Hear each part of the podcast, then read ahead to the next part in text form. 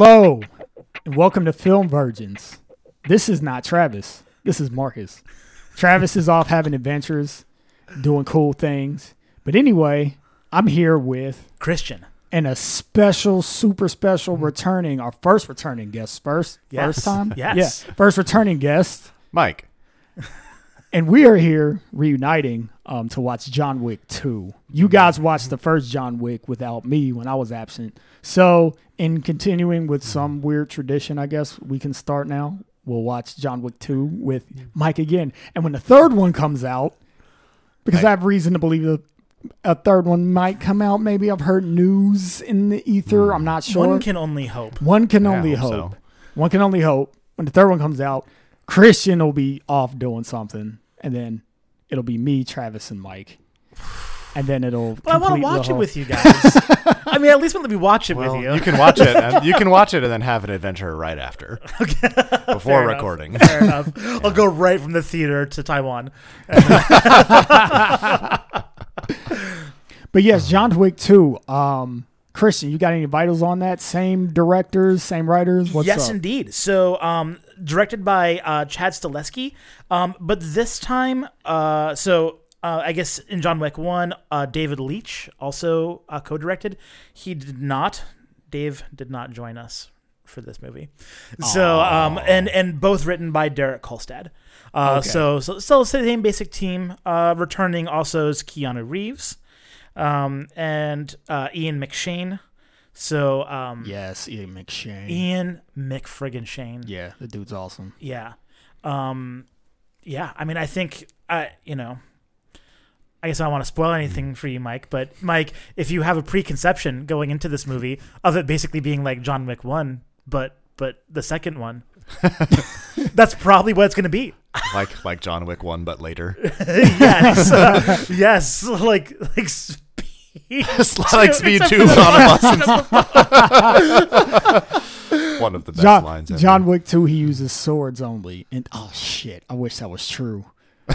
Mi- mild spoiler Wow. for Mike, he does not use swords the whole Okay. time. Sword That's good. Sword This foo. is It great. would no be one's ever done that before. Sword foo.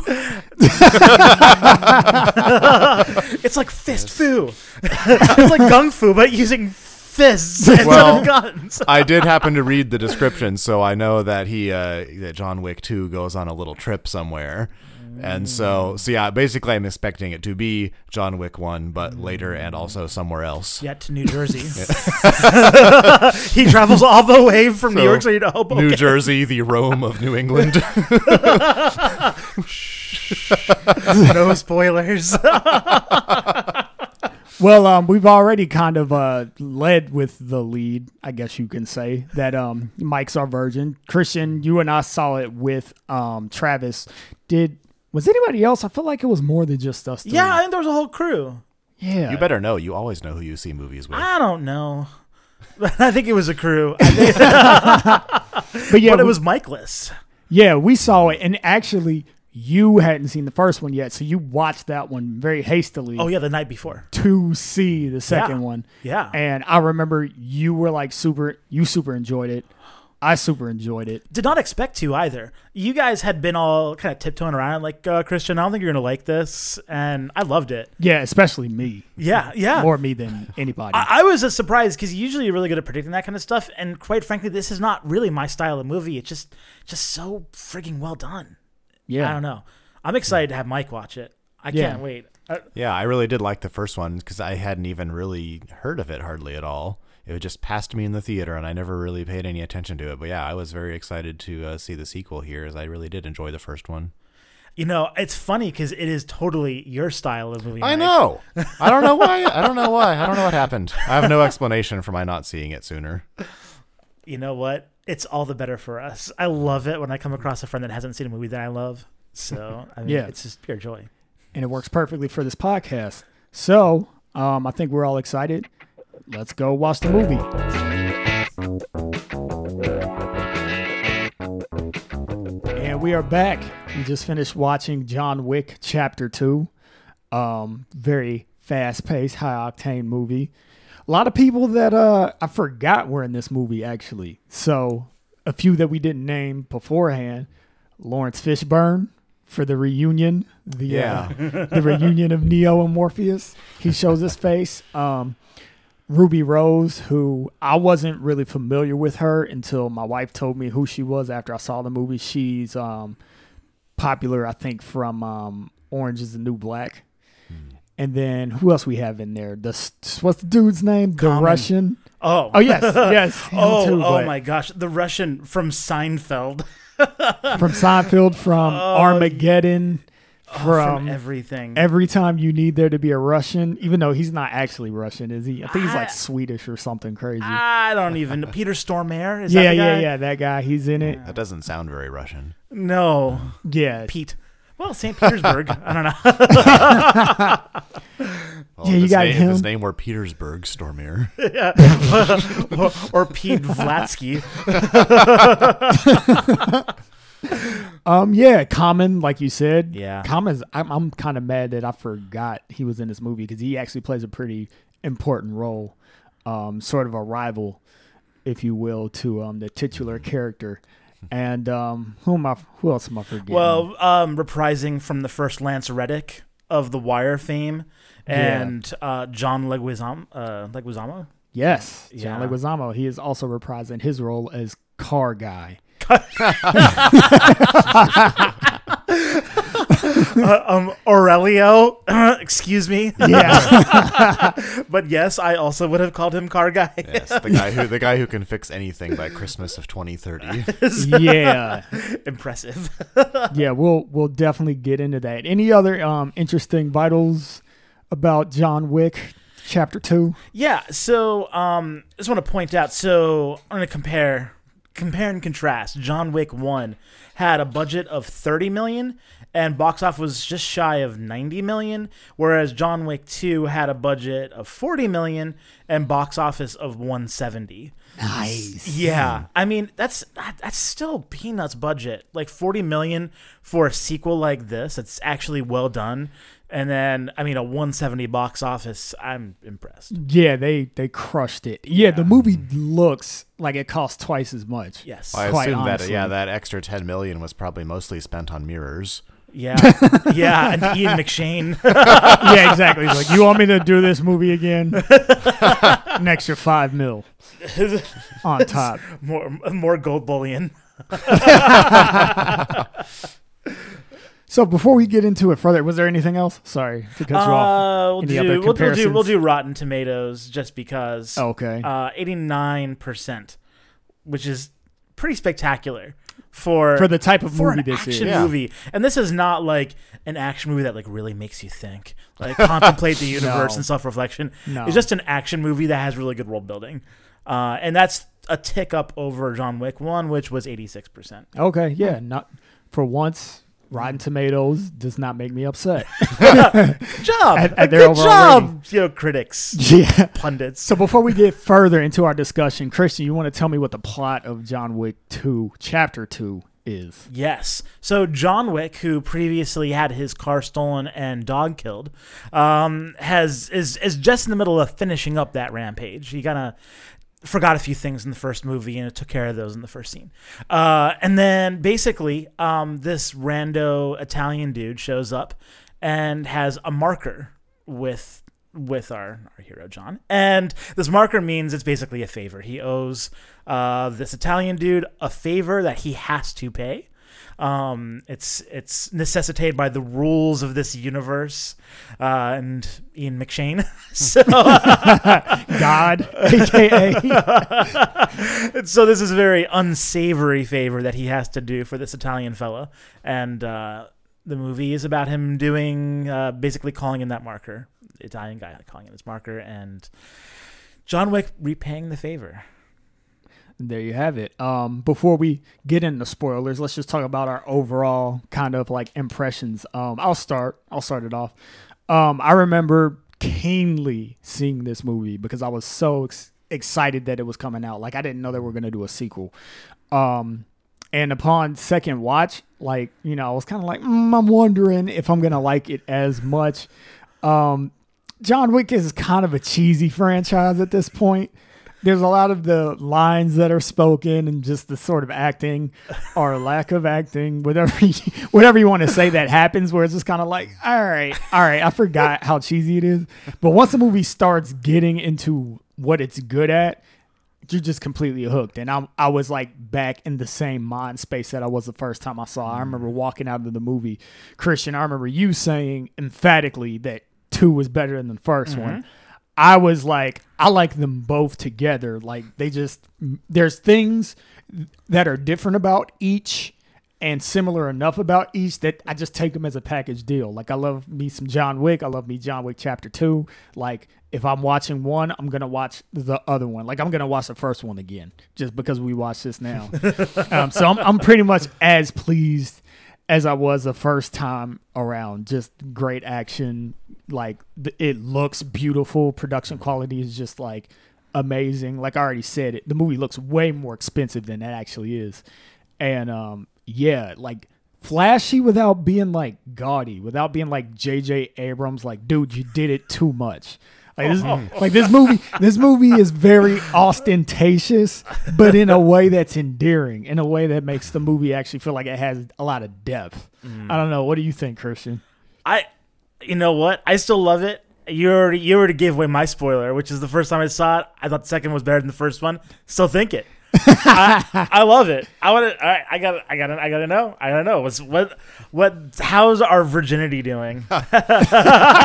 The virginity going. Well, it's gone now. You've been deflowered. Yes. well, I would say, uh, thinking at it overall, I think I enjoyed them about the same. I, I think I enjoyed the the fight scenes, the fight sequences in this one actually a little bit less than the hmm, last one. But I enjoyed the visuals in this movie, some of the sets, some of the just the camera shots and the way that they did the cinematography. I think in this one was better cleaner a little bit like kind of like you said flashy uh, maybe you know maybe not ostentatious though but you know it was just visually more appealing to me than the first one so i think that made up for some of the i don't know gun foo sort of ju- sort of just turning into headshot foo hey, you were the one saying there were lots of leg shots. yeah well yeah the leg foo head you know whatever I mean, I mean, let's be real. For every leg shot, there were about five headshots. yeah you, you gotta be sure And there were a lot of leg shots, so that's saying something about how many headshots there were in the movie. It gets down to negative fifty Celsius or Fahrenheit. First one, then the other. yeah i guess that's the old one two in john wick world it's leg Yeah. shot headshot It really is. You are right. But yeah but overall yeah still a very enjoyable movie Yeah, let's uh let's just go spoilers. Look, if you haven't Love it, seen yeah. if you haven't seen John Wick Chapter 2, go watch that movie right now. Um it's worth it. It's worth a watch. All three of us are saying it's worth a watch, so go watch it. And of course, Christian who typically he has higher standards for a movie of this sort. if he's saying go watch it, go watch it. If you haven't seen the first one, go watch the first one first, then get the second one, watch it, and then listen to the rest of this podcast because we are going to spoil now. Yeah. And here we go. Um, Everybody dies. Yeah. Except, except for like the friendly-ish characters like Ian McShane and Lance Yeah. Reddick and Yeah. Car Guy. Everybody dies. Actually, Common lives, but well, does he? uh, you know, we we are led to believe he knifes him in such a way that he can live, and we actually see that in um, uh, Laurence Fishburne's character was someone who apparently got the same treatment. Was that Right. you know uh, John Wick apparently put him to kind of a decision, which is go after John Wick and die or live and do nothing, But like he- hold his like bleeding. You know, but he does neck. leave him on a New York City subway, which is the least likely place you will get help from a stranger. Oh, oh.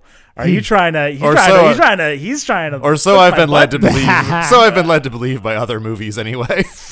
I mean, all of those people while the fight was happening, they were just straight up watching. They weren't even screaming. They were just like looking. And then as soon as the bus, the, the doors to the train opened, they were out of there. None of their business. But I'm just saying, what's one of them- this is a fictional portrayal, but New York is a very friendly place, very friendly people. Well, I guess I did ride the subway once in well for one day in New York. I don't recall anybody helping me. A New Yorker will spit in your face when you're walking down the street, and the day your house burns to the ground, they will rush in and save you. Okay, You have it from me first. I'll take your word for it. they they come off as surly, and they are, but when when the time gets tough, they will be there for you. New York City, the surliest help east of the Mississippi. Wow. okay. okay, I'm done ragging on New York now. No, it's actually a great city. I loved my visit there. New York is a great city. Um, I want to go back one day, but I think if I were left to die on the subway, I would just die. I, I don't know. I don't know. But hey, I never It's, lived be- there. it's better than L.A., where everyone will like kind of offer you help, but not actually give it to you, and they'll smile at you as you die slowly. Yeah, but then I don't have to die alone. I die with fake With smiles. the fake smiles of imbeciles. yeah. anyway, so okay, so major spoiler. Uh, the the the marker is called in so that uh he has to John Wick has to kill the sister of this Italian fella. Yeah, D'Antino, Diantino, DeSantino. Crap, I forget. All right, here we you go, still here we have it up? here we How do you say I'm, it? I'm ready. I'm ready. yes. Uh, Santino D'Antonio. D'Antonio. Yes. D'Antonio. Okay. Yeah. Santino D'Antonio. And I guess his sister is uh, Gianna. Yeah. But yeah, you're right. So that's basically the marker because this guy, um, Santo Santino, basically wants a seat at the mysterious, coveted high table, which basically we're led to believe is just kind of this um sort of what would you even call it like a, a co-op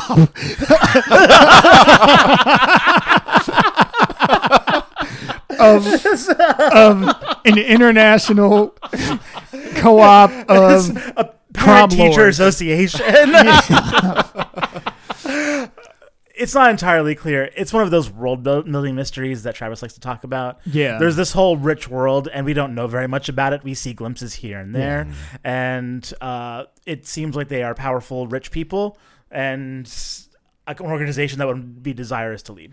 Yeah, I, I guess more like the U end of the uh, international crime world, organized crime world.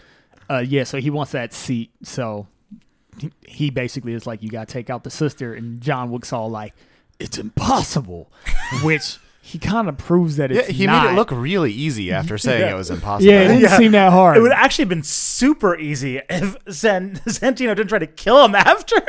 That was most of the work. you know what? You're right. It's true because he offed um, his sister's guys pretty quickly. oh yeah, that happened fast. after that. And then more guys came, a lot more guys came, and most of those guys were Santino's guys. And they were trying to kill him because it's like he was the last loose end. They couldn't leave anybody alive that, you know, was in on it, I guess. Which I mean, really wasn't even that big of a conspiracy. It's really just him going like, Hey, you one guy by yourself killed my sister. Yeah, the loose ends. yeah, exactly. yeah, it's, there's one of them. Yeah, just one. Which I mean, I guess uh, the the mute chick played by uh, um, Ruby Rose. Ruby Rose. I guess that's what she said with a middle finger. You know, Yeah. being clever. Yeah. Oh yeah, she was very clever, well spoken. Well, I was glad that with her character, so because they did do that in the first movie, they they would put up the words on the screen, kind of as if you were reading the the panel of a comic book or Yeah. something, right? And you know, at least now they had a reason to do that more with her with her signing things. So yeah, Yeah, and then there was a lot of um, Italian also spoke in it, so that was kind of Yeah. another reason for them to use it because it was like, oh, okay, we actually have to subtitle this a lot Yeah. because you know it, this movie has become a bilingual movie.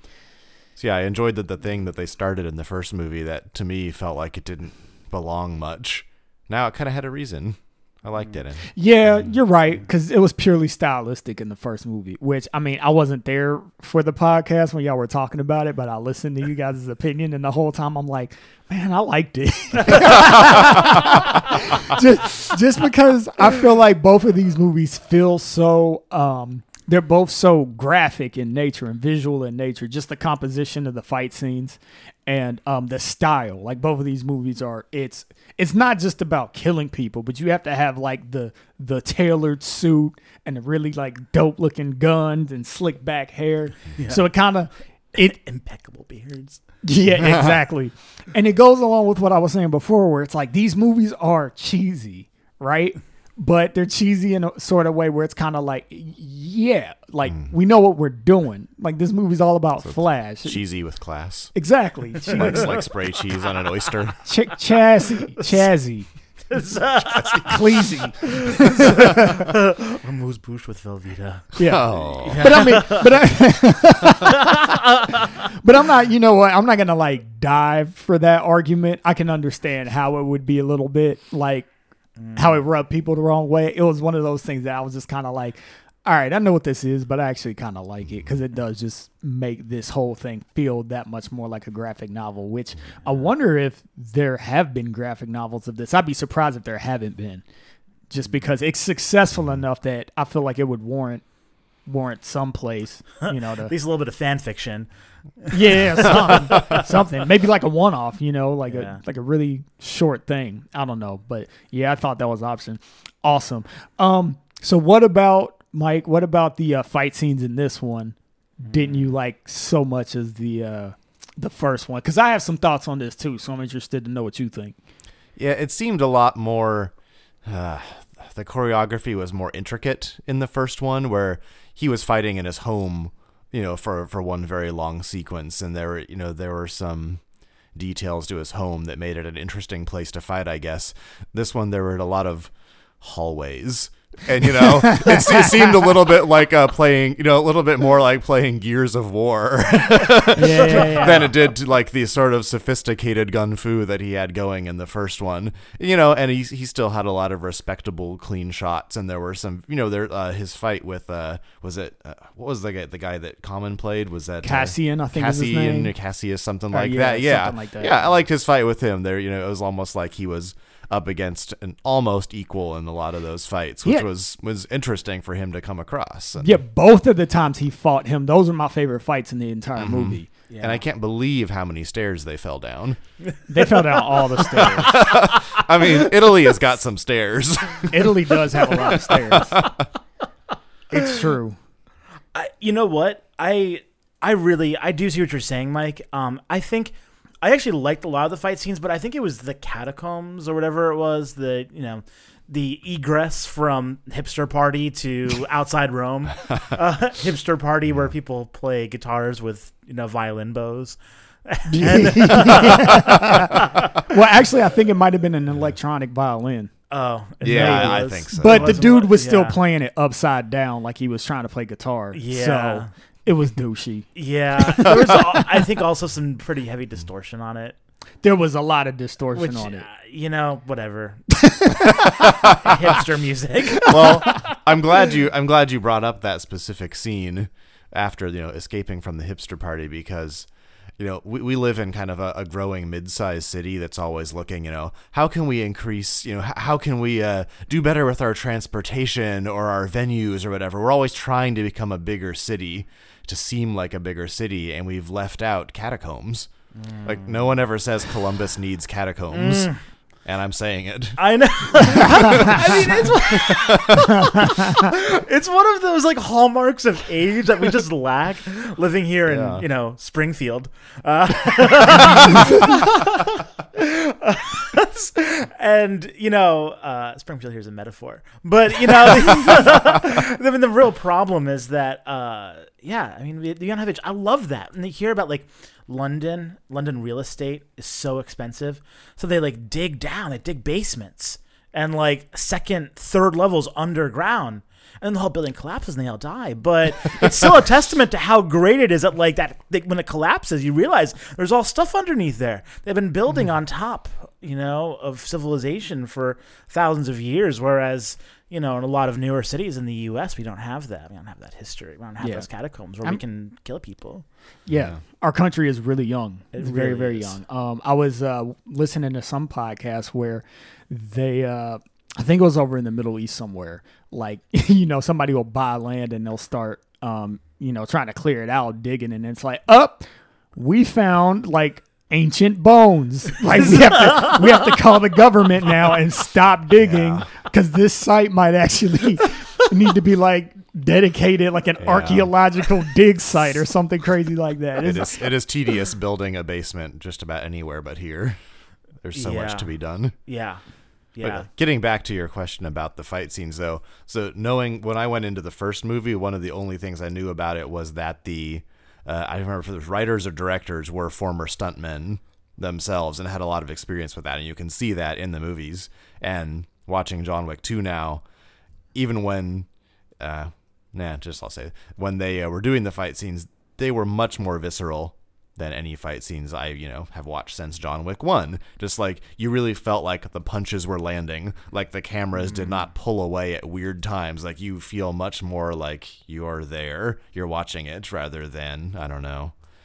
A lot of other fight scenes, the cameras jump around in weird ways, and it's just like they know how to do it. And the John Wick people, they know Yeah. how to do fight scenes to make them good. Yeah, well, one of the things that um, I like to um, kind of bring to people's attention that may not know is kind of the difference between what I consider action movies and what are considered martial arts movies. John Wick actually is a martial arts movie. It, it feels like an action movie because it's um you know it has starring Keanu Reeves and other actors that are known in Hollywood and bigger names internationally, but the way that they shoot, they shoot it like the people in Hong Kong shoot or any other of the Asian countries that make martial arts movies. It's like you get incredible people that can do incredible things and you just place the camera where it needs to be and let them fight. And you move when you need to and only when you need to. And that's one of the things that is so oppressive about um, the first one and this movie, especially this movie, because you have Keanu Reeves and Common, which Keanu Reeves is kind of a martial artist, I believe. Like, I- don't think he's like a complete noob. Common, I have no idea if he has any experience in martial arts whatsoever. But both of these dudes pull it off. They really, really do. And it's just super impressive to me that the best fight scenes in the movie are with these two guys who are not known the first thing you think isn't like their martial arts ability. You know, um, I remember like watching uh, what was it, Winter Soldier. You know, they got George St. Pierre, mixed martial arts fighter, in the beginning of the movie to fight Chris Evans as uh, Captain America. You know, because they want a guy that like does martial arts. Usually, that's even in these movies, that's what you do. You like hire one guy that's like a martial arts guy, and then that's going to be like the boss fight. And maybe he's not even the boss, but he's like the boss's bodyguard or something like that. You know what I mean? Um, Well, that difference between a an action movie and a martial arts movie, I mean, that may be that kind of extra cut of respectability that gets it that good score, you know, on Rotten Tomatoes. Like, even if people aren't action fans or they don't usually respect the genre, they watch this and they're like, "This is quality. Like, this Yeah. is this is better than what I'm used to for an action movie." And they actually, I think their scores reflected that that they realized that. Yeah, I hope so, man. Because um, it makes me so happy. It's well deserved. I'm so glad that the second one did so well. I didn't know that it like dwarfed its budget with how much it made. That like that makes me happy inside. 4X. That's hmm. awesome. Yeah, That's awesome. I I mean I totally agree. We talked about this I think during the first one, but in the- really I love that. But you're talking about the camera thing. I love I love hearing. I'm so glad that you're here for this one because I love getting your perspective on understanding what I'm seeing because definitely the antithesis of the Bourne identity and the Exactly. shaky cam Yeah. follow. I, I almost brought up Bourne too. 'cause yeah, that Oh, was yeah. when I'd had it with kind of cin- fight cinematography in this era. Bourne is like the hallmark movie that people think. I remember um, when I saw Bourne Ultimatum, and I loved it. I love the Bourne trilogy. Um, but I just remember people. Actually, a guy that I saw it with, he like left the theater, and we thought he went to the bathroom, and then he just didn't come back. So we like we're like, "Well, where's Sam at? So we walk out, he's chilling by the car, and we're like, dude, like you just left the movie. He was like, it was making me sick. Yeah, I could I could see that. And he just didn't tell us. So he just left and just hung out. And he left early, man. He left like maybe 20 minutes into the movie. Jeez, Yeah, but he's he's not, never happened to me before. It's never happened to me Yeah. before either. But there's a lot of people that complain about that. Yeah. the, the whole shaky cam thing. And I mean, I just watched um, Black Panther again. My mom was in town and she really wanted to watch it. Mm. So um, Faith and I watched it with her. And yeah, man, like they were doing it a whole bunch in Black Panther too. And it's just like, Mm. it's ah, like for people that really, really understand like action and combat and martial arts. And I can't, I'm not sitting here saying I really understand it, but I think I have a above average appreciation and knowledge of it. It's just like you look more for John Wick, and we're we're in an era where like kung fu movies aren't big anymore. You know, they're not spending tons and tons of money like they were in the late like the 90s and early 2000s with Jet Li movies and Jackie Chan movies and stuff. They're not we're not bringing those in anymore. Yeah. You know, like people want to keep watching triple X type stuff, I guess. But um, Man, is that even a thing anymore? I, well, I mean, they came out with another one. It was uh, Vin Diesel came back. The Return of Xander Cage is what I think it was called. I'm just saying. I'm sure they'll make another Shanghai Noon, but the point is, like, I know. I just all I'm saying is these days we really have superhero movies. That's it. That's we've replaced all those genres with Marvel. but you know what we have now? We have the. we're still in the era of old man action movies, where Liam Neeson and Denzel Washington, not bashing either one of them because I love both of them. You know, guys like that. They're like, those are the action stars now. Like, Yeah, it's about a man who used to be a thing and then he stopped and now he has to be that thing again. Equalizer 2. Okay, international cable three. uh, interdimensional. I really don't think that. I mean, we do have those. There's a lot of those, but I feel like that's always been a thing. People just want to see, like, oh man, wonder what that guy's up to. I bet he can still make an action movie. I think he's still got a suit. Sure, Pierce Brosnan something. Oh. oh, don't forget, they're coming out with another Mission Impossible. No, I know, but Tom Cruise is ageless. He's been running since 1991. Dude, say what you say what you will about Tom Cruise, but I want that dude's body. And I'm not talking I'm not talking about aesthetically. I'm not talking about aesthetically. I'm talking about just the fact that he is old as he is and he continues to maintain the energy and the ability that that he has to continue to do these movies at his age and he's done a lot of them. It's like, why I got to have my old busted crusted body. I want that one. still still 2018 still hanging off helicopters. First Mission Impossible, I had it on VHS. Oh my gosh. You realize how ridiculous I that know. is? I know. Anyway. Yeah, all right. Back John to Wick. back to John Wick because John Well, Wick is can, awesome. can we talk? Can we talk about Morpheus? Yes. Yeah, aka Laurence Fishburne, aka Bowery King. I just looked up. That's his. oh, his okay. Yeah, they don't actually say anything. Yeah, I didn't remember if they actually if they actually said his name or not. But I mean, as soon as I saw that he was in this, I'm instantly looking for Matrix parallels. Right, I'm looking for posters on the wall. You know, like there was a big sign that Easter said eggs. "Jesus saves." I thought maybe it would say "Neo saves" or something like that. But no, I didn't see anything anything quite like that. But he did seem like he kind of held the key to an, an, an underworld or you know an alternate world. And in a sense, you know, that that was about as good as I could as I could do with that. Did you guys kind of pick up on anything or? I definitely think there was a little fan service and that he was in it at all. But I also I didn't I didn't pick up anything explicitly as far as parallel. How about you? Yeah, I didn't really either. I just enjoyed the moment, just being able Yeah. to take that second and go like, yes, yes, and then get back into the movie. But yeah, no, no par- no parallels really. Just Laurence Fishburne's awesome, and I think he's the best in the movie personally. Like, like his character is just so markedly different than the rest because everybody else is like. It's about business, the underworld. Yeah. You know, serious, straightforward. We say poetic things, but there's no irony meant.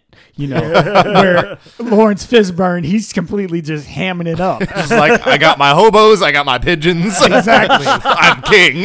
Yeah. Now I see all. Hobo Network. Isn't that like a Sherlock Holmes thing? Is it? I, there's at least one of the many adaptations of Sherlock Holmes that involves the Hobo Network. Oh, jeez. Well, yeah, he was the king of the Hobo Network. Therefore, um, Mr. Mr. Wick to to get him to Santino. that that was one of my favorite scenes in the entire movie. Was that hobo? It was so great. So the setup the setup here is John Wick walks up to this hobo and gets out what is his gold coin? What do you call those? I don't know, doubloons. Yeah, something. Yeah, Something like simoleons. Yeah, rupees. this is So the, he- the same currency that's used in the first one. Yes, and so he drops he drops this this coin into the guy's beggar cup and says like, I need, basically I need to see him. And talking about Laurence Fishburne, and so the the the hobo until the last moment just looks like really shifty, like he has no idea what he's talking about, like looking around, looking all spooky and malnourished, and then all of a sudden he like takes a brown tarp, throws it over John Wick. And then, like, as the two like cleanup brothers walk up to kill John Wick, the hobo takes out a gun and shoots both of them in the head. it's amazing. It's just that whole scene was I don't know. Yeah, It it's so weird. well done. Here's something interesting about the world building. Okay, so they they kind of took it to a new level in this movie, which is perfect. Like that's what you need. That's what a sequel needs. Like build on what worked well and add just enough to keep it familiar, but make it you're being revealed more. Um, I wonder though if like expanding the universe of at least the crime world so much was kind of a mistake. Because now I'm thinking like, okay, is New York City just everybody's a criminal? Because if everyone's a criminal, oh, it kind of makes it less cool. You know, we're getting close to New York bashing again. Oh man, it's fine. It's fine. Chris, Christian bashes the Midwest all the time. but anyway, so I'm not trying to bash New York. All I'm saying is, is what is that? Because you also have the scene at the end of the movie where John Wick he finally takes exacts his revenge on Santino. Unfortunately, he kills him on continental grounds. Mm. Continental grounds is kind of like the safe haven in the underworld. Like this is a place where you cannot conduct business. This is for people to like chill out, relax, or like spend a night if they need to catch a layover to you know before they go do some other evil shit somewhere else. Like you're not supposed to kill anybody there, and he kills someone. So Ian McShane basically summons him at the end of the movie, and he's just like, "I can give you an hour."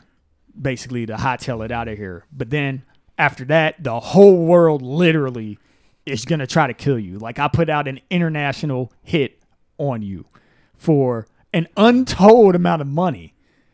He just calls it excommunicado, which is probably code for oh shit, if I kill this dude, I'm set for life or something. So Yeah, so maybe- it's like maybe so he- there's a fixed price for that. yeah. but, there's um, already already a fourteen million dollar bounty on him, right? From yeah. yeah, yeah, yeah. Well, it was 7, wasn't it? My understanding was that the high table doubled it. Yes, you're right. You're Yeah. right. The high table did double it. Okay. Anyway, so long setup for basically It Machine. He displays his power when John Wick goes like, "Why am I still alive?" And he basically looks to some people and they go, "Do it now." And then mm-hmm. everybody, it looks like they're in Central Park, just stops and looks at him. And then Ian McShane gives a little nod, and then they all resume about their lives. So it's like, are there any innocent people, or is this just like a a city that's circulating crime throughout No, its no, no, no. The implication is just that it's just that the Continental basically for that moment. Basically, they, they, they put all those guys there. They were all plans. Just to say like, "Hey, look, we're being oh. watched. You would be dead." Just proving a point. point, and also don't hurt me. Oh, okay. yeah, yeah, yeah, I guess that's a good yeah. point. So Win- All Winston, then- Winston just flexing his muscle. It's not implying that all of New York is assassins. Okay. Well, and then and then when he was running away at the very end, I think it was just like, okay, well, crap. Now anyone could be an assassin. Like I have to suspect every single person from now on. Yeah, now yeah, on. yeah. As he, as as all the the shifty people people were sitting on benches looking at him. Right. Yeah. Yeah, but he already knew that because he already had a scene of basically killing everyone. Yeah. uh, yeah, randos just popping out of nowhere to collect their seven million dollar bounty, pre high table double. yeah, this is true. This is very true. So I I can't not bring up the dog and the fact that it had no name. Thoughts on that? He doesn't want to get too close anymore. Been mm-hmm. burned before. He's he seems like a guy that he only knows how to be John Wick, he doesn't really know how to be anything else. And I think possibly this is me reading into the, into things, but maybe like with the loss of his wife, he's just kind of like, I'm just here, man. You know, like even in the beginning of the first movie, what do we see him do in his free time? He takes his car out for a test drive. He's driving in like an empty, uh, looks like a airport ground tarmac or whatever, and he's like practicing his maneuverability in his Mustang, which is like you're supposed to be out of the life. What are you doing? He doesn't really do anything. he really doesn't do anything. So I think that like him getting the dog was just kind of like, all right, I got the dog. I don't need to name you. You're my dog. Just take him out for a test walk. Did that bother you particularly? no, not really. It just it seemed you know it did seem very John Wick esque.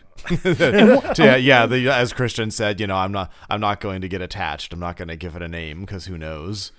Yeah, I guess. Yeah, and he also just kind of gives no fucks because when um, so he his house gets when he he refuses Santino the very first time Santino makes the offer. Or basic, not the offer, but basically, you know, summons him to be like, "Look, Call I'm calling, marker. yeah, I'm calling him a marker. You got to kill my sister." He's like, "I'm not doing it." So then Santino's like, "Okay, but I still need you." And what he meant by you is the John Wick that would do what I needed him to do, the ruthless, mm-hmm. like focused one or whatever. So he blows his house up in order to rile him up.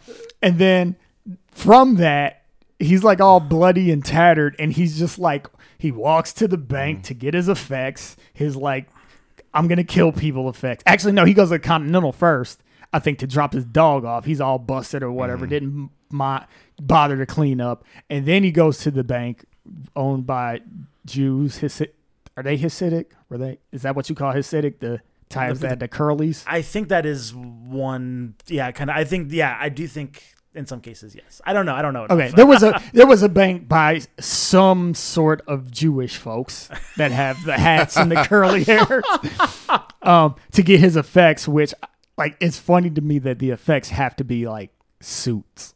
It has to be like formal, like tailored wear or whatever.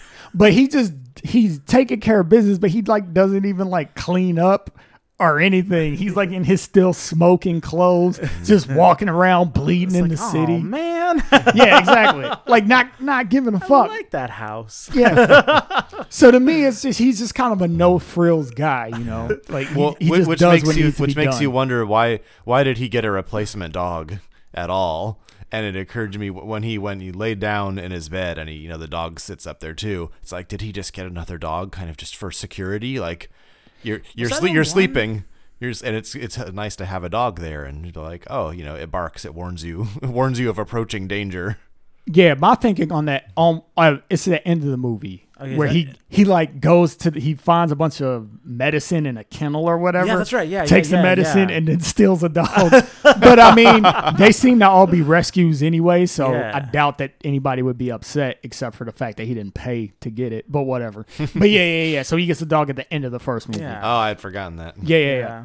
yeah. Um, the way that I see it is that the dog that he got to begin with was the last thing that his wife.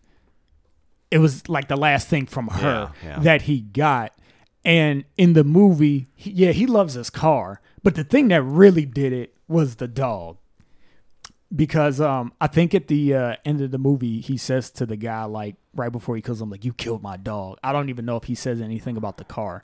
So the dog was a big thing. So I'm thinking that to keep that alive in the spirit of keeping that little piece, that gift from his wife alive, he replaces the dog because he doesn't want to be at home alone. I don't think. Well, now you just went and made him all sentimental. Mm-hmm. Well, he that's He, the he was, he was gives no fucks John Wick a second ago. except for his wife.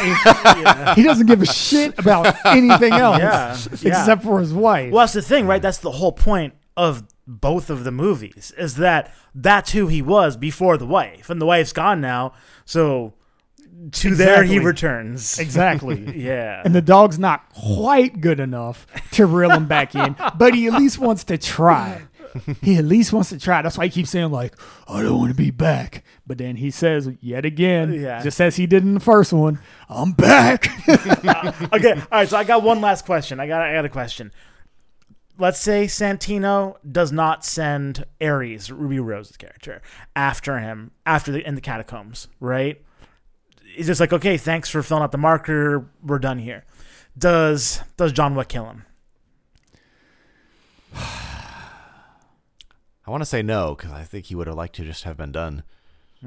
yeah, I think the only reason um, he was going after him is because Santino stabbed him in the back and put that head out on him. Yeah. Well, no, that's for sure. Yeah. That's for sure. But like, was that preemptive? Because he says something something snarky like, "Oh, what kind of man would I be if I didn't avenge my sister?" Yeah, yeah, yeah. But like, you know, if he hadn't gone after him, I don't know. I mean, he got angry with that previous dude for killing his dog. Uh, this guy destroyed his house with all his memories of his wife Yeah, and then forced him to go back to the business that he wanted to leave, and then forced him to kill his sister, uh, who he as several other considered a friend. Yeah, yeah. he like says as much. Yeah, So this seems like about as egregious as stealing a car and killing a dog to me. Yeah, I feel like there's arguments for both sides. Really, Yeah. I'm not sure. It it's yeah, kind of whichever way you want to go. Yeah, he could be super pissed about him blowing up the house, Yeah. or he could just be like get to the point where it's like I did it, Yeah. Whatever. And Winston doesn't Winston allude to this in the beginning?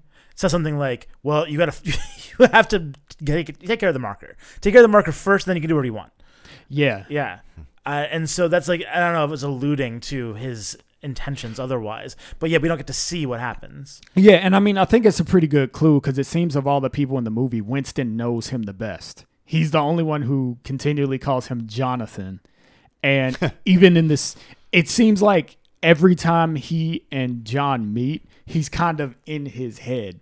He kind of knows like the movements. Now, whether or not it's because of their personal relationship or he's just that good at reading these seedy people in the criminal underworld, I don't know which, but he has that understanding. So, which is why the last scene when um he actually goes through and kills Santino in the Continental is so awesome because it's the only time you ever see Winston like oh shit. You, like like I don't know what to do right now. Whoa. Yeah, he's like he's like Jonathan, Jonathan, think about this. Just walk away, and you're Yeah. like, oh, he's about to shoot that dude Yeah. because Winston is like. Like his hackles are up right now. He's like on his toes, like, uh, don't do it. And then he does it. I love that scene. I love that there's no badassery. There's no quippy comebacks. There's just the dude talking smack about being able to eat a different meal every day for years, and then bam, it's just over in and and literally less than thirty seconds. So you don't think it would have been better if he'd shot him and said something like, "Have you ever had that meal before?" Oh. Different movie. it pains me just to think about it. Maybe if Bruce Willis had been the starring character. yeah, yeah, yeah. I mean, honestly, no. It's funny you say that because John Wick is so badass and so tight as a character. I feel like, you know, it's funny because I can think of ways like that that they could have ruined the entire movie in that one scene. They could have fucked up the entire film in literally three seconds with the wrong like quippy '90s action line. It would have been over. It's like I don't want to watch the third one now. Yeah, and I mean it, it's completely in keeping with his character because that's the exact same thing that happened in the first one. Yeah. In the first one, he's chasing down Theon Greyjoy. I'm so sorry, Theon. Yeah. It's been a rough life for you. It's been a real rough life. You know, he's tracking him down this whole time, and he's a little piece of shit. So you just you can't wait. You know he's gonna die at the end of the movie, and you can't even wait. And then he like is chasing him down. Finally has him cornered. He's like on the ground because he shot him in the leg once. He just walks up to him, and while John Wick's walking up to him, he's about to say, "It was just a fucking duck." He just shoots him. He shoots him, doesn't even stand over his body, and then walks away. Like just unceremoniously, like you just have to die. Like this like I'm not I'm not a torturer. You know, I'm not like this isn't like a Samuel L. Jackson, like, yes, they deserve to die, and I hope they burn to hell. this is just I'm gonna kill them, and that that's all. So it's just, it's you're right, Christian. It's the exact same thing, and it's one of those things I yearn for so many times in movies. Like when some the bad guys just yapping, yapping, and how many times have I watched a show or something and I'm like, what if we just shot him right now? And that's what John Wick Yeah. did, and it was amazing. Yeah. Mm. Turn offs. Oh, All right, so now we're gonna get into turnoffs. Um, this is a segment that uh, basically we talk about things that we maybe didn't like so much in the movie, or things that maybe haven't aged well. This movie literally came out last year, so we probably won't run into that. Um, but yeah, turnoffs. Christian, what be they? Um, you know, I'm. it's such a great movie. and It's really hard. It put me on the spot, man. uh, you know what? I'm. I'm. You know what? Since I'm saying it first, I'm gonna say something a little bit like what Mike is saying. The catacomb fight scenes, I enjoyed them, but the environments felt a little stale to me. Like I got tired of the catacombs after a little while, and I wish that it was somewhere else. You know, uh, and you know, it's a small scene and I actually did enjoy the action in that area. I just I do get tired of those bottle actions where it's just like oh it's like the same thing over and over and over again, and I like a little variety. You know, I like I don't know. I get tired of things.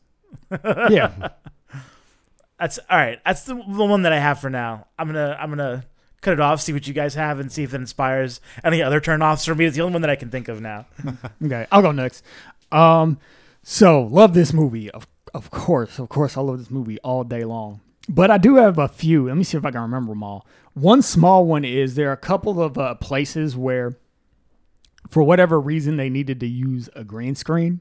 I don't know if they needed to film after the fact. Um, I don't know what the correct terms are. Travis would know all that shit. But um, but yeah, there were a couple scenes where there was a close up between. It was a standoff scene actually between um Cassian and John, where they're basically just looking at each other, and you could miss it. It would be really really easy to miss it, but I caught it.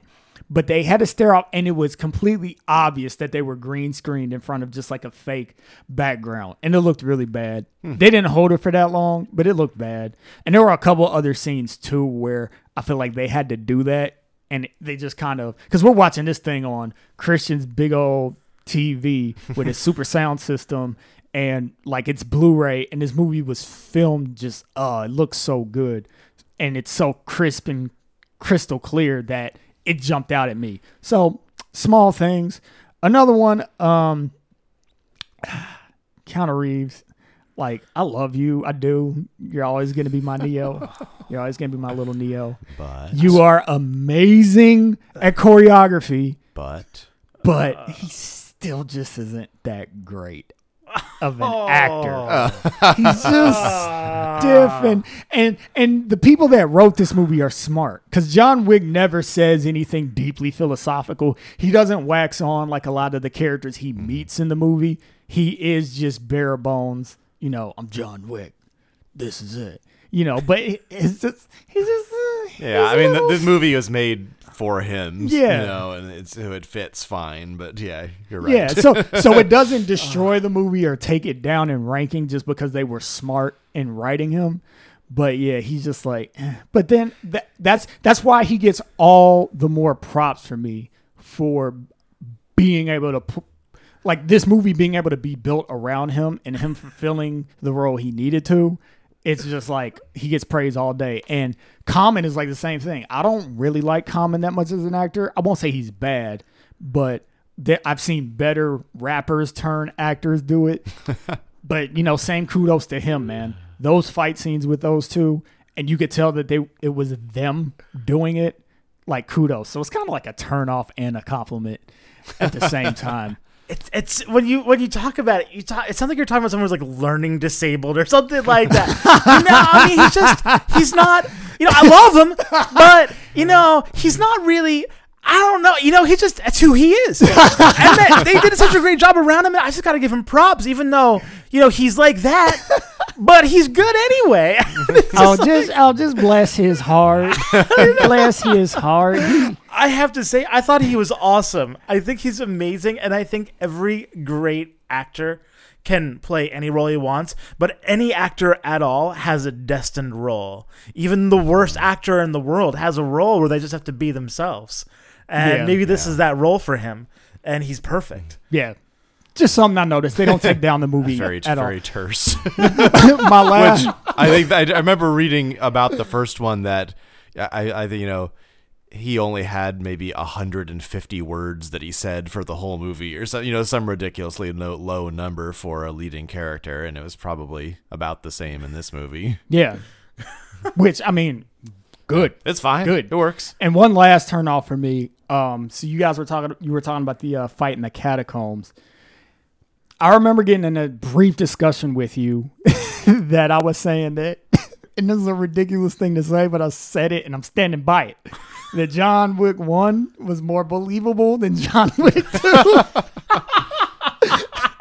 which I realized. Okay, all right. Is it Which was more believable, Back to the Future One or Back to the Future Two? I realize how absurd this is, but the catacomb scenes is what I was talking about. Because basically, like you were saying earlier, Mike, you have the fight scene in his house. You are gonna believe that this guy, who is like the top breed assassin, killer, whatever, you believe he's gonna take out dudes in his own house. You're gonna go into John Wick's house where he lives and try to kill him. You gonna die. You gonna die. So you have that, and then you have the other scenes where he's either fighting in garages where there's a lot of obstacles, or when he's chasing Theon in the club, and most of the people aren't assailants. Most of the people are there just trying to get out of the club. That a lot of that happens in this movie too, and those scenes like a okay, hundred percent fine with. But the catacombs, you know, he has his bulletproof jacket on, which okay, fine. But all we know is that's probably the only part of him that's bulletproof. He's running down these long corridors being chased by like five or six dudes with semi-automatic and fully automatic weapons, and he's just holding the collar up on his suit over his head. And they can't hit him, and he's fully protected. Like none catch him in the leg. Really? None hit it like the palm of his hand or like ricochet. Like it's just like come on, man. Like make make the fight scenes and the action scenes harder so I can suspend my disbelief more. Because in those Yeah. those instances, I was just like, wow, these dudes can't shoot. There's a, a little bit of stormtrooper syndrome. and I was just about to say that. I'm tired of seeing that in movies, and all of my movies take that out. Like if if like make your bad guys formidable, just do it, or put them at such a disadvantage that I'm like, okay, the guy that they're fighting is so much better than them that he's able to capitalize on that disadvantage. Um, but yeah, those that's it really. Those are my only turn offs. What say you, Mike? Well, I got two things. They showed the kind of uh, Russian smuggling ring near the beginning of the movie with the cabs and the, the boxes being shifted around. Like mm-hmm. they were smuggling things in ridiculously ornate boxes, and that really bothered me because these things are being thrown in and out of like the back seats of cabs, and you know, I. They took out some gold and dunked it in some tar. I, I don't know what was going on in this smuggling ring. But I like, you know, if you're transporting things in cabs and boxes that nice, there's something just not right there. And so that just kind of from a, a movie prop standpoint kind of bothered me. Now, this, They'll never think to open this precious heirloom box. I mean, I see that in a cab and I think there's something valuable in there. I should take that. so yeah, I don't know that I've, that now that same ornate box was later delivered to one of the, you know, head guys in the, uh, at the Continental. So, I mean, I don't know. It was destined for great things, I guess, but I thought that was odd. We don't really need to discuss that unless you guys want to. I'll take it. I'll the take less it. said, the better. I honestly didn't even notice, so I'll take your word for it. But the the other thing, the larger one, which we could talk about, is the I, am calling it the Bond sequence that he went through of uh, re-equipping, getting his suit, getting his weapons. It felt out of place to me. It felt like John Wick should have been more prepared. I mean, he's got a freaking like arsenal buried under cement in his house. He's got you know Jews guarding his valuables in a bank, and like the most important part of preparing. and so yeah, it's, it seemed weird to me that he like was dependent on this whole organization to then get him suited up and you know get his dessert, his dessert knives. I, I, so I don't know. I mean, it didn't bother me that much. It just felt a little. It, it didn't. That scene didn't feel like John Wick to me. What yeah. What I, think? I I can agree with you. I love hate that scene. I love that scene. I love that scene probably for the same reasons you do, Christian. Just for the world building aspect. It's like taking the idea of something we all understand as sommelier and making him like a weapons like just like provider basically you know and he like knows all of the intricate details about the guns and um kind of presenting them in this bond-esque way like you're saying but like you're at this fine restaurant because the this whole criminal underworld is kind of like about the hoity-toity finer things like it's not good enough to do crime like you have to do it at like the top level and everything has to be excellent and exquisite um, and I just like that dude. He was the guy that said, "What a bunch of a holes" in um, Guardians of the Galaxy. He was a sommelier. I forget what his name is. He has like some weird sounding last name, Sarah Finkowitz or something. but I like it. That's why I like it. And the set was amazing. Like just like that whole thing, and then you had the other guy going like, "Oh, we can line your jackets, but ooh, bulletproof, but still hurts." Ouchie. yeah. but um but I do agree with you that it felt like it was pushed into the movie like hey everybody this is what the John Wick world is like. It's kind of like the poster where it has like he's being fitted. It's just kind of like it was the theme so they had to p- make sure that theme was prevalent in the movie rather than it actually going towards building his character. But I'm I'm torn. I'm like I'm Yeah, both. and you you never know how much of this stuff is world building specifically for the upcoming Continental show. Where you know where they may have put stuff in there that maybe wasn't perfect for the movie, but they're like, but this is important, f- you know, establishing yeah. Hold up. story or whatever. Did I hear you right? They're coming out with a Continental show. Mm-hmm. Who's picking that up? Uh, H was it HBO? We talked about this briefly last time. I'll check it out. I do. Uh, well, I did not know this. Yeah, and Starz. and there is a uh, there's a Oh. title there's a title for John Wick three. What is it? Chapter three. No, it is not.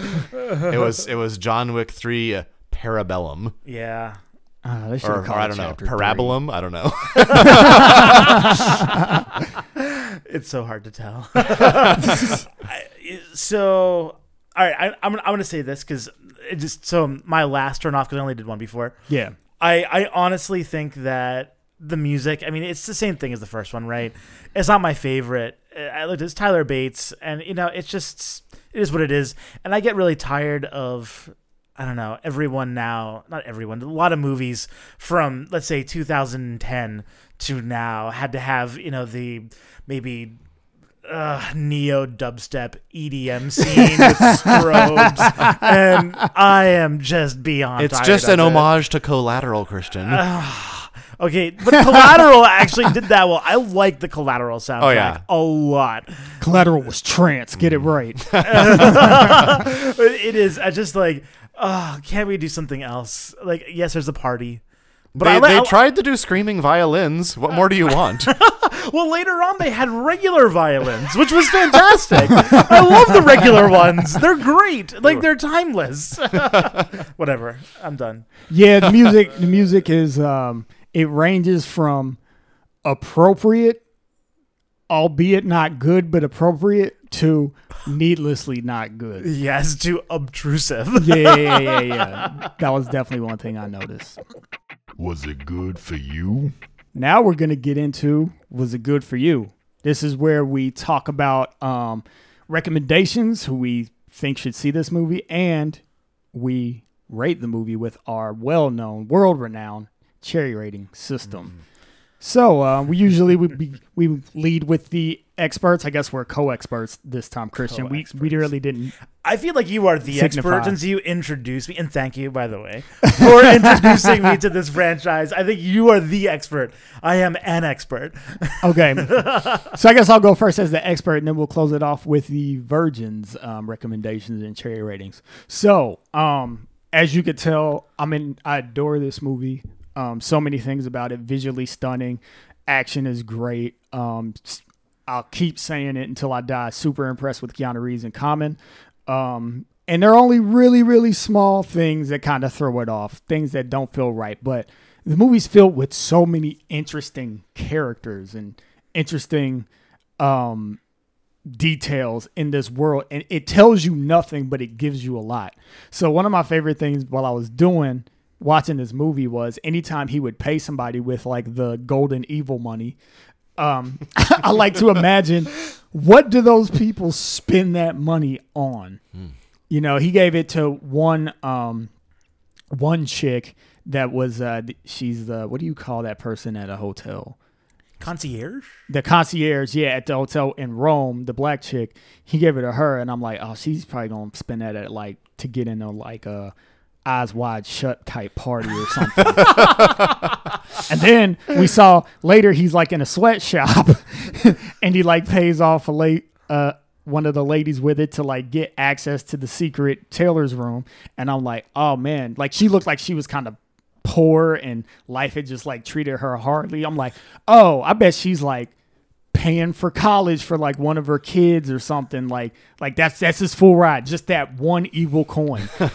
Or or like that's dinner for like the next three years or something like that. Like this movie has so much stuff like that where you could actually just play in your head and extrapolate like oh okay what's this world really? Who are these people really? But you don't feel like you weren't given enough to enjoy everything about the movie. So um all that being said, I'm gonna give this movie eight cherries because I just love it. It's, it's just so great. It's so pretty, and I want to watch it like again. I would, I could literally watch this movie over again. That's how much I love it. And um, I'm gonna recommend it to anybody that's into action movies, anybody that is into martial arts movies specifically um, anybody that's into like movies that look like they should be comic books. So like if you like that sort of storytelling that that is very graphic in nature and not graphic as in gratuitous, but graphic as in graphical. Um, I think this movie's for you, man. Like just share it, share it with, have a dudes night. Actually, girls watch this movie too. Everybody should watch this movie. it's great. It's like the best action movie ever. And then there's a third one coming out, and apparently show. So watch that stuff too. Yeah. That's me. Yeah. All right. Man, great movie. Love it. Love it more than the first one. I think all the metrics seem to side with me. Better box office, better IMDb rating, better. I don't know. I think it's awesome. I, I the world building is better in it. That's the thing that really drew it to me. Just like just like Mark was talking about, I love the world building, um, and makes me really excited to see what Starz's going to do with the Continental. And I'm hoping that's awesome. It could suck. I mean, God help them if they ruin a really great. If they ruin World. it, I'm going John Wick on some people. yeah, I'm gonna cancel my cable.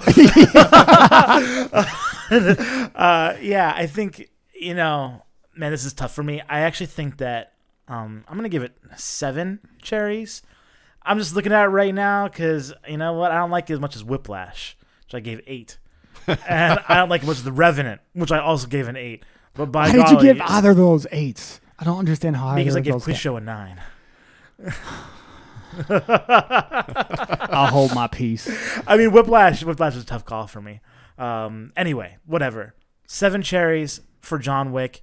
Um, man, uh, I, I think that Marcus stole the gimme recommendation. This is absolutely to, to action fans. I would say anyone who likes The Matrix wants to see a reunion of Laurence Fishburne and Keanu Reeves. this is great for that. Um, I said it before with John Wick 1, but anyone who loves rich world building and loves to see the tip of an iceberg that appears quite tall indeed. Um, and uh, I feel like there's a lot of there's a lot of a lot of buckets for this one. Uh, those are the big ones. I'm out. I don't know if I have a whole lot to add to what you guys said. You've been very thorough. I think I would also give it uh, an eight, eight cherries out of ten. man. I think it's it's very it's very solid, but then there's only just small rooms for improvement. If I cared about music as much as Christian did, I'd probably bump it down to a seven. Yeah, but I I just see I just not that kind of guy. I just don't really notice it during the movie all that much. See, maybe if it were better, I would have noticed it. But I would I would say, you know, my first thought was, yeah, if you love action, watch this movie. I'd say maybe ask yourself why you love action because if it's the one-liners, if it's some of the kind of cheesy stuff that grew out of the 90s mm. era, maybe you will find the movie lacking. That is a good point. that is, is- a good that is point. a so good point. I would say this is for the discriminating action fan. yeah. But yeah, overall solid movie. I loved it and I would recommend it. All right. This puts it at a 7.7 on our cherry rating scale. Uh, I don't know if we include with guests, but if we did, it would be number five. Number five. Behind The Revenant, The Big Lebowski, Whiplash, and Quiz Show. And just ahead of Blade Runner and Split and Three Billboards. Ooh, it's among good company, man. Yeah. Yeah. Damn, we watched some good movies. I know. we watched I know. some. We watched some shitty ones too. We bought some really bad ones. Throw them from the drink. Sorry, that's just got in my throat. awesome. All right, so now we're gonna get into quickies. Time for a quickie. We uh, started this podcast because we love media, but not just movies. We like all sorts of things. We like music, comic books, novels, you name it. So, Speak for yourself. My quickie's a movie. well, what is your quickie?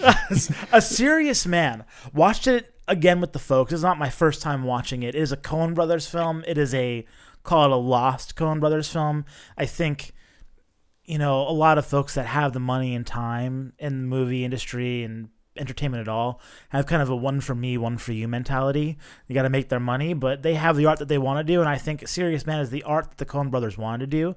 There's a little bit of it that is vaguely, I don't want to say biopic, but is inspired by real life events for them. Uh, takes place uh, a Jewish community in the Midwest, and uh, you know what? I have to say, I think it's an underrated film. You know, it's one of those that just flew under the radar, caught up. You know, it's early sevens on IMDb, and you know, no one really even talked to Coen, even Coen Brothers fans. It's often the case that people haven't even heard of it, um, and it's too bad. Great, great cast. I'll find it for you guys here, so I can just read you some of these names. But um, the soundtrack is unbelievable. Carter Burwell, um, who does all the Coen Brothers movies and did In Bruges and Did he do No Country for Old Men? Uh, uh, yes, he did. He is credited with the soundtrack to No Country for Old Men. Um, I realize that most of the movie was silence, but I think he might have brought out some wooden blocks or something like that, and he caught himself a credit. I Wow, shit you not. that's impressive. I that movie literally has no music in it. I had someone. Was it you that tried to get me on this before? And I pulled it up, and it's like, nope, it's Carter Burwell. Probably. I, yeah, he he authored the silence, so or whatever it is. That's amazing. Anyway, Michael Stuhlbarg, I don't know how to pronounce his name, Stuhlbarg. Uh, Richard Kind, Fred Melamed. Uh, so not a ton of names that are really, but but um, Stuhlbarg, Stuhlbarg, I don't know how to pronounce his name. Is fantastic. Richard Kind is also great. You might know him from Spin City or from Red Oaks, which I'm also watching. That's mine. I've never heard of any of those people, but I'll take your word for it. Richard. oh, dude, you will know Richard Kind. Uh, either of you guys watch Scrubs? Yeah. He plays the guy with the crazy serve. Like he's that guy that likes that plays tennis and he tries to sue the hospital because they screwed up his arm and he's like this terrible tennis player, but they have a video of him serving and he's really good at it. I'll show you. That's funny. I'll show you a picture of him later. You'll know okay. right away. Fair enough. Um, for my quickie, this is gonna be a weird one because it's not something that I'm actually into. It's something that I've been seeing by proxy, and I just wanted to comment on it. But um, my wife has been trying to um find some shows to get into, and for my wife, TV is more of a time filler. Like she's not necessarily like us like we like love the media. We want to see something good. She wants something that you know characters are fun enough. The story has enough feels in it and enough stakes in it that she can get attached to it and watch it. Um so she kind of goes through these seasons where she's just trying stuff out. So she tried um dc's legends of tomorrow and she was just like no to that um but because of that Bless show her heart. But because of that, show, but because of that show, it led her to watch the the Arrow. Yeah, that's what it's called, the Arrow. So I've been seeing a little bit of it, and I I got on her because she was she tried to watch that show once a while ago, but she was like I didn't even finish the first episode because it was annoying. That show sucks. So anytime she would say that show sucks, I would give her crap. Cause I'm like, you didn't even see a full episode. You like quit. You can't say a show sucks after watching partial, just part of an episode. So anyway, she dove back into it, and so I've been seeing it on TV, and sometimes I like sit down and watch it with her. And I just remember when the show came out, everybody talking about how amazing it was, how awesome it was. And it's like, oh, it's like Batman, but on TV, um, particularly like Nolan's Batman. And um, I'll grant them that they stole a lot from Nolan's Batman. Uh, but the regurgitation was just that. It's not that great. I'm really, really baffled by like the people that are like, this show was so awesome. Like the main dude, he's ripped, but he doesn't act all that great. Like his character's kind of boring. Like he was a douche and now he's a really good dude with no personality. He's just a good dude. And like, yeah, most of the action acting is bad. The production quality isn't awesome. You know, I'm too used to. I still haven't finished the second season of Fargo, but I'm too used to watching shows that are just so tight mm. in how they are produced that my level has just shot way up. There's just way too much good TV out there. There might be for- nothing on the CW for you, man. Yeah, yeah, yeah, and that's what I'm realizing because I'm, I'm watching and I'm like, man, it looks like a CW show. Like it just, it just does. And you know what? High Like, praise indeed.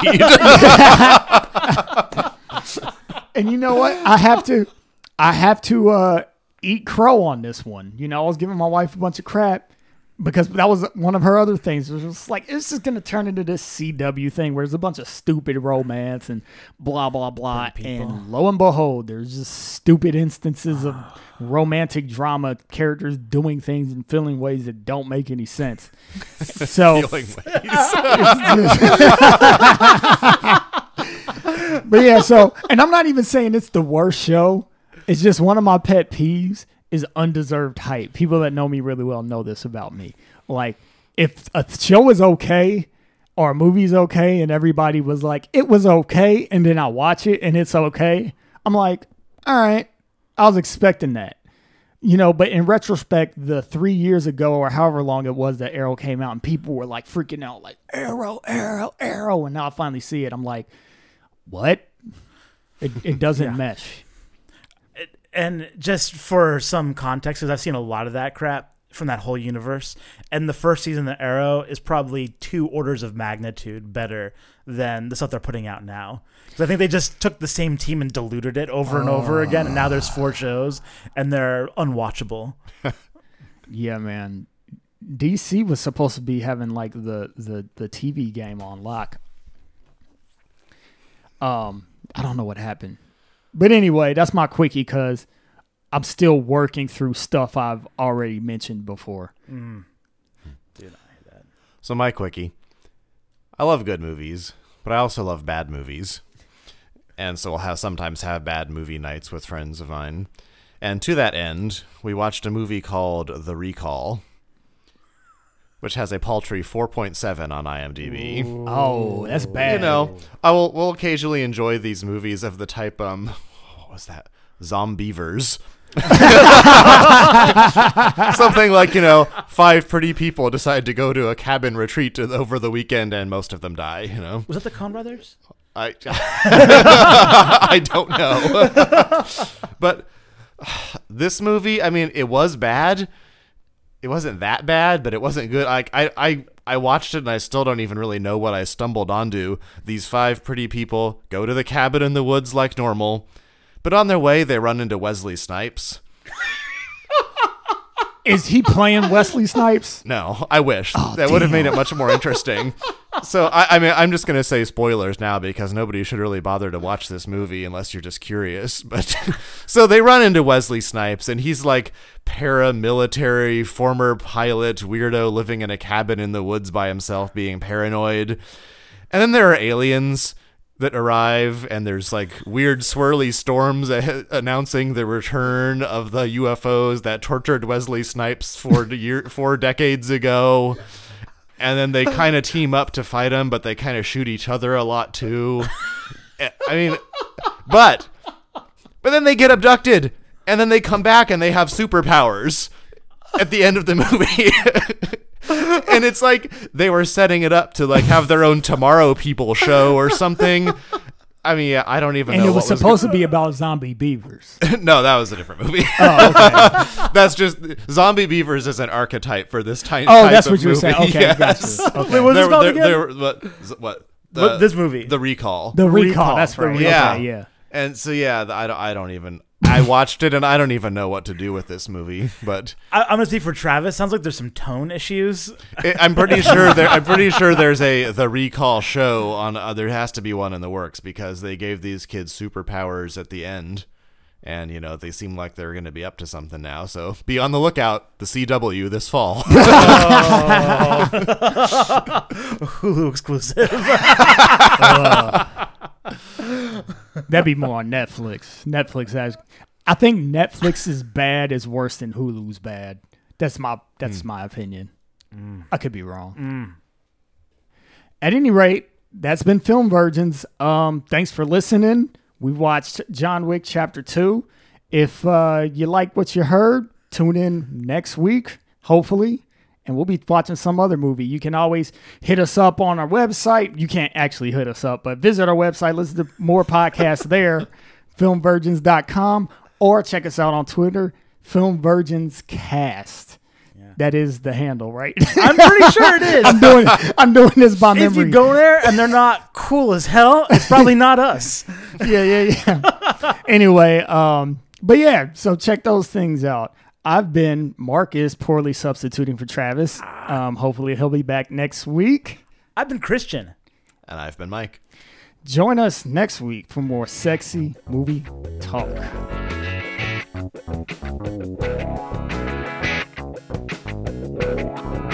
Thanks for listening. Subscribe and look for our next episode next week. Yeah.